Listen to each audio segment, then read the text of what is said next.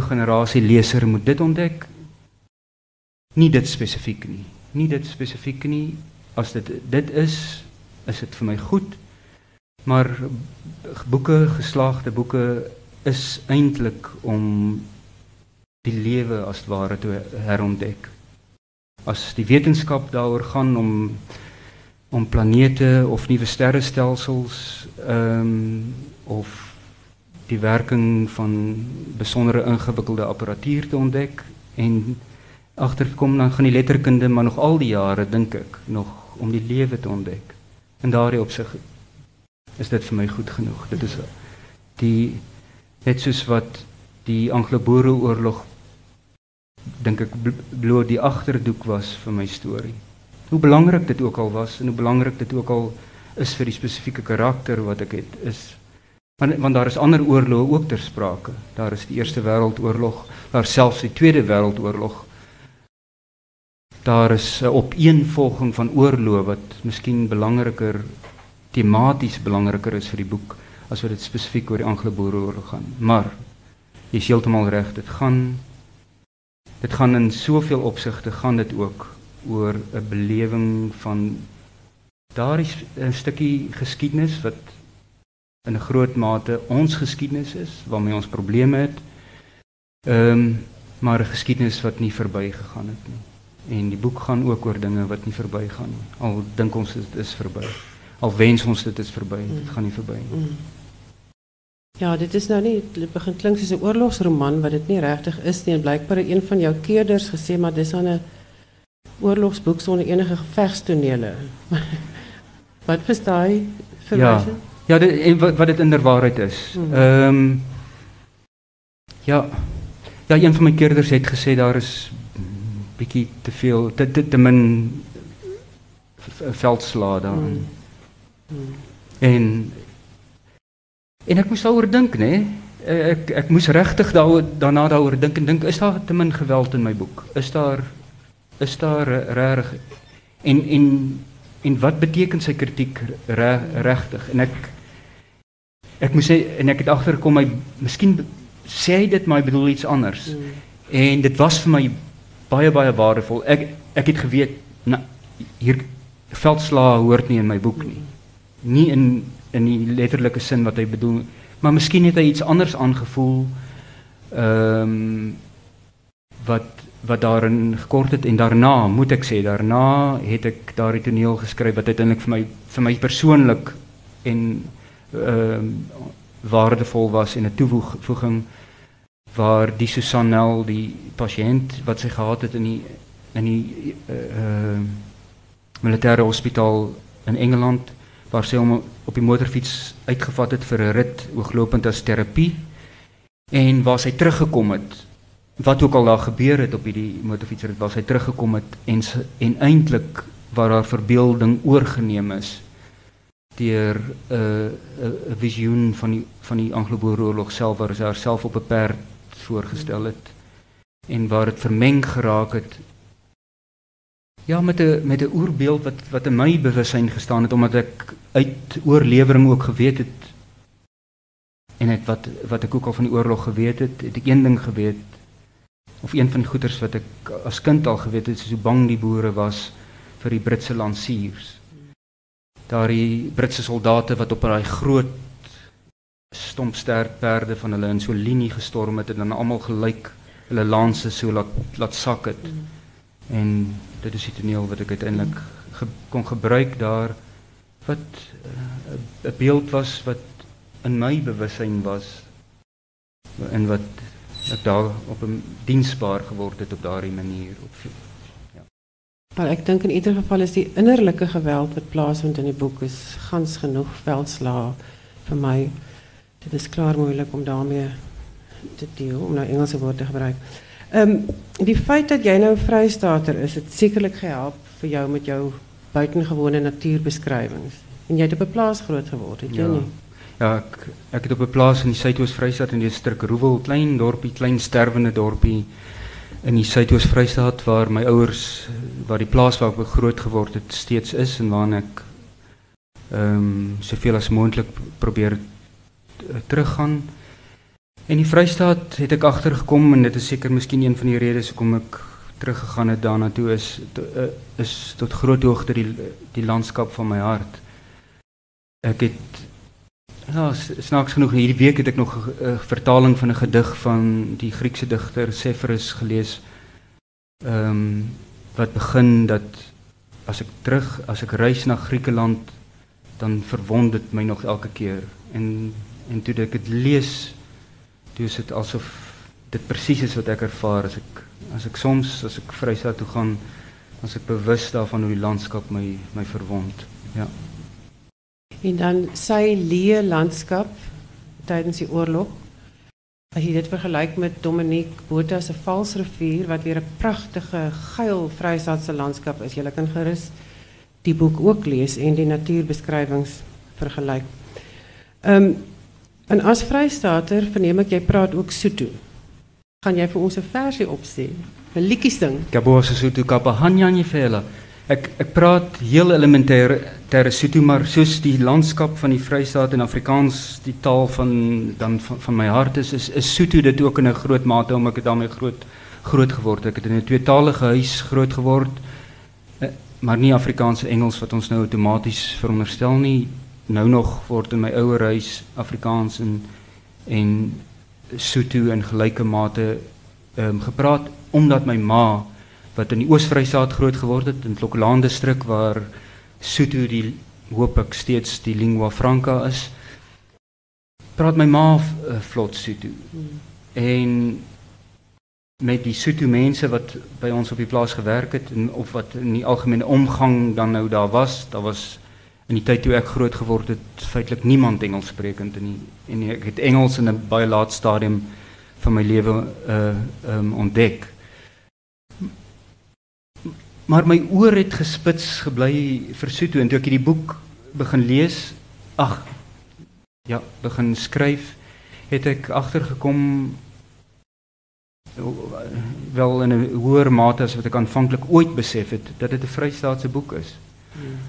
Bloot omdat die die voorgeskiedenis daarvan in in die hartjie van die Vrystaat afspeel in in in in 'n konsentrasiekamp buite Winburg en dat die mense almal Vrystaaters was en die mens en die Sotho die swart mense wat in die oorspronklike ehm um, weergawe daarvan nie so seer Sotho mense was nie, maar wat volgens my afleiding noodwendig Sotho mense moes wees. Het dan Sotho gepraat en ek moes en dit was vir my belangrik dat hulle in hulle Sothoheid daar moes wees en teenwoordig wees en en dit was dan 'n geleentheid om weer terug te grawe en terug te speer ehm um, wat van hulle wat van hulle tradisies, wat van hulle taalgebruik, wat van hulle gebruike, wat van hulle kulturele praktyke relevant en deur wel uiteindelik deurslaggewend was vir die vir die verhaal self.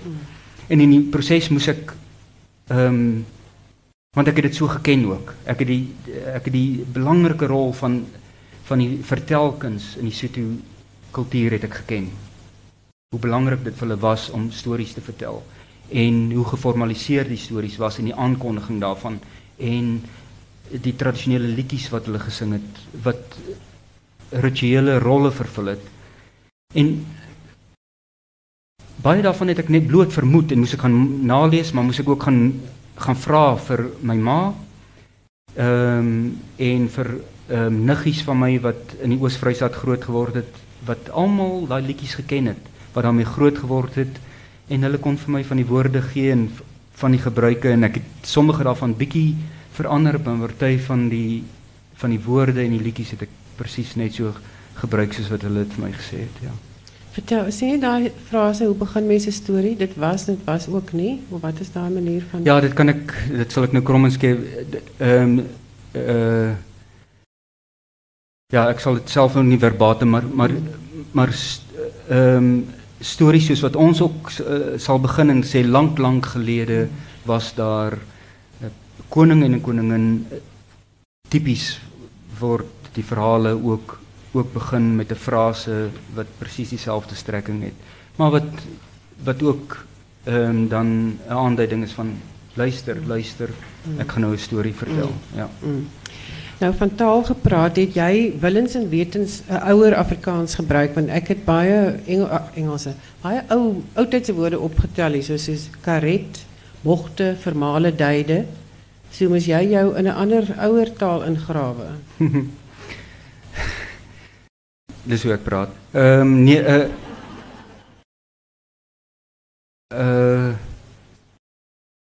kyk, een van die goeters dis 'n interessante vraag want een van die goeters wat ek my voorgenem het en toe ek nou bewus was daarvan dat ek 'n historiese roman moet skryf, wou ek in die eerste instansie en ek dink dit is wat ek ook vir Jana en vir die mense by die uitgewery aan die in die hele die staanspoor gesê het. Kyk, het ek het gesê ek wil ek gaan en ek moet noodwendig 'n historiese roman skryf, maar ehm um, ek ek wil 'n moderne roman skryf. En ek moet vir myself um, uitmaak wat dit beteken as ek sê ek wil 'n moderne roman skryf. En die sleutel daartoe het ek eintlik gekry toe ek Hilary Mantel gelees het wat nog 'n uh, uh, ja be, hoogs bekroonde romans geskryf het vir 'n veel ouer tydperk as ek. En die en die die sleutel wat ek daardeur gekry het is dat sy ehm um, dit kon histories kon plaas, maar die die die diskurs of die manier waarop karakters met mekaar praat of met hulle self praat, die drama daarvan is heeltemal eie tyds, is heeltemal modern. Mm. In daardie opsig wou ek dit nie enigsins ehm um, is is met 'n sepia tint gehad het nie, maar ek wou gehad het dat die drama daarvan dat jy steeds 'n heel eie tydse psigologiese drama in die historiese gegewe kon insit en die karakters dus as ek jou vraag moet beantwoord, dis nou nie argaïs wou laat klink in die feit in die manier waarop hulle praat en waarop hulle redeneer nie en as dit as enige van die woorde dan oudtyds of ongewoon voorkom is dit bloot dink ek skrywerlike praktyk vir my om by die regte woord uit te kom vir die regte ding. Ja. Mm, nee, taalpraktisyn kan hom of haarself maar net nie help nie. Ehm um, Caspar Rensburg het in sy resensie geskryf dat Susan swaar dra aan skuldgevoelens oor die oorlog, haar ouers, haar broer wat dood is en die verkrachting. Ehm um, sou 'n mens kon sê sy ly aan survivor's guilt, die skuld van die oorlewende. Ja, ja, ek dink so. Ek dit dit dit was een een van die goeters wat ek nou nie min van hierdie goeters het ek nou uit die staanspoor so bedink. Dit is maar hoe dit uitgespeel het met die skryf daarvan. En ek dink waar jy ook nou raak is die hele kwessie van die toeëning van skuld aan wat met haar gebeur het. Mm. En dat haar lewe eintlik ontwerp is of doelbewus ehm um, het sy ingelewe sonder dat sy so bewus was daarvan teen wat met haar gebeur het. Teen enige skuldgevoelens, teen enige somberheid, teen enige teen die gewig wat haar sou in as sy enigsins iemand anders was sou ehm um, laat in die donker dieptes weggesink het en sy het eintlik vanuit die krag wat sy in haarself ontdek het, het sy ingelewe in die geskiedenis in en gedink sy sy is sterk genoeg. Sy sy het dit oorwin. Sy het in die in die haar in sielkunde bekwam en juis geword op grond van wat met haar gebeur het, het sy insig in wat met ander mense wat deur soortgelyke bedroewings gegaan het en sy het gedink sy kan mense help wat deur so en klaarblyklik was dit is dit nooit so eenvoudig soos dit nie en en dit is een van die goeters waarmee sy uiteindelik moes saamlewe en waarmee sy teruggekom het na Suid-Afrika met die veronderstelling dat dat dinge verby is en dat alles afgehandel is en dat jy met 'n skoon lei kan begin in verskillende stadiums van jou lewe. Hmm. In daardie opsig is daar is dit skuld, is dit wat is dit wat nooit verbygaan nie. Ek maar skuld is miskien hmm. een van die goeters. Ja, interessant is uh, Dion Meyer se Icarus wat hierdie week ook hier bekend gestel word. Is daar ook sprake van survivor's guilt wanneer een van die hoofkarakters begin drink? Ehm goed.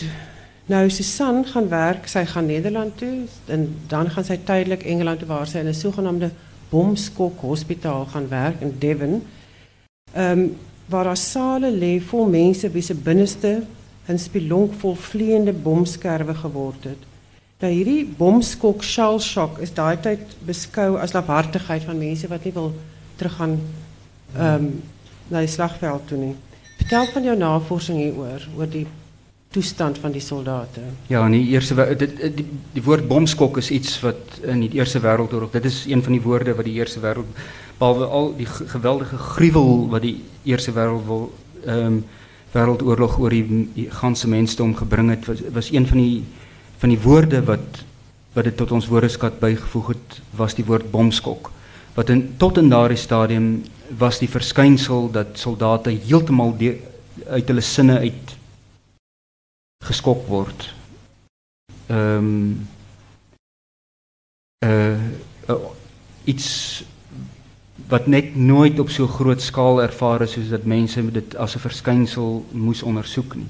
Om die waarheid te sê soos wat jy heeltemal reg opgemerk het, ehm um, is dit as 'n vorm van lafhartigheid beskou en dat mense wat dit op 'n manier versin het so gou as moontlik teruggekry moes word um, in die loopgrawe in. En hulle is die behandeling daarvoor was heel dikwels wreed en juis van van vanuit die veronderstelling dat dit lafhartigheid dat dit niks anders as lafhartigheid was nie totdat daar ek dink een van die baanbrekers in hierdie geval was iemand wat nou 'n besondere rol speel in my boek en dit was een van my ontdekkings een van die navorsings En dit was dit was 'n sleutel um, daarvan is die werk van Dr. W.H.R. Rivers. En om 'n lang storie kort te maak, Susan Nel het in een het soort van 'n disipel van hom geword juis omdat sy een van sy artikels te lees gekry het en iets daarvan het vir haar sin gemaak. En wat vir haar sin gemaak het wat eintlik die sleutel was tot heel onverklaarbare dinge omtrent haar lewensverloop was die feit dat Rivers voordat hy 'n psigiater geword het en wat nou natuurlik uh, uh, alle dokters het uiteindelik in diens van die weermag gestaan in Brittanje was hy 'n antropoloog voordat hy 'n uh, uh, en hy het heelwat as antropoloog navorsing gedoen in die Suidsee eilande um, onder wat ons wat destyds en die steeds ehm um, deur ons genoem sal word primitiewe stamme vir al hulle geneeskunde. Primitiewe geneeskunde wat ons sal noem tradisionele geneeskunde. En hy het onder die indruk gekom van die waarde daarvan wat ons deesdae sal noem toordery of bygelowe of wat ook al het gesê nee. Daar's iets daar is iets van waarde daarin en hy het gesê wat hulle behou het dit is was River se oortuiging wat die primitiewe stamme behou het is die kuns van geneeskunde terwyl ons westerlinge het heeltemal oorgeneig na die wetenskap van die geneeskunde en kontak verloor met die kuns daarvan. En dit's daardie insig wat hom gehelp het om te om bomskop te sien vir wat dit is wat ons deesdae posttraumatiese stres sou noem. En dit is daai insig wat instinktief by Susanel aanklank gevind het want dit is presies die manier waarop sy teruggebring is na die lig deur primitiewe geneeskunde. Primitief tradisionele geneeskunde van die Sotho mense. Okay, ek gaan nog een vraag vra want ons het laat begin, so ek steel gou nog tyd vir een vraag. Ehm um, jy uh, blykbaar het Karel Skooman gemeen jy moenie 'n vroulike eerste persoons verteller hê nie. Die meeste van jou resente of almal resensente was mans. Het jy ander reaksie gekry vanuit 'n vroulike perspektief op Kampoer? Nou dit dit dit is 'n iets wat meegespeel het in die, in die in die slot hiervan is waar hierdie Susanel terugkom en moet dink oor wat van haar lewe geword het of sy het 'n geleentheid in die boek, boek om daaroor te dink en sy dink en ek dink waar een ding waarop sy reageer waarop sy die insig wat sy aan die einde van haar lewe ehm um, uh, verwerf het is dat iets waarop sy so heftig gereageer het is die feit dat daar 'n man was, die liewe dokter Hurst, wat 'n liewe man was. Hy was ehm um, wat uit die goedheid van sy hart haar storie wou vat en vir haar wou sê kyk moenie op hierdie manier na jou storie kyk nie kyk op 'n ander manier en haar interpretasie was, was juist daarvan dat sy so heftig gereageer het op die feit dat hy vir haar wou sê hoe haar lewe hoe haar storie eintlik geëindig het en die ironie het nie by my verbygegaan het nie dat nie net Hurst in my storie nie, maar ek self en Nico Moelman het Susan Nel se storie gemaak en daarvan storie gemaak.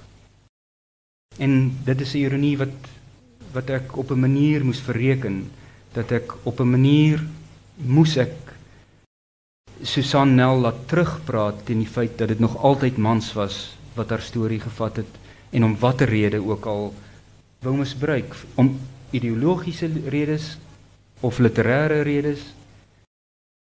Dit was nog al die tyd mans wat haar storie gevat het. En in die heel eerste instansie was dit die oorspronklike verkrachting. Dit was dan ook toe 'n man die storie van haar lewe op 'n bepaalde manier gevat het.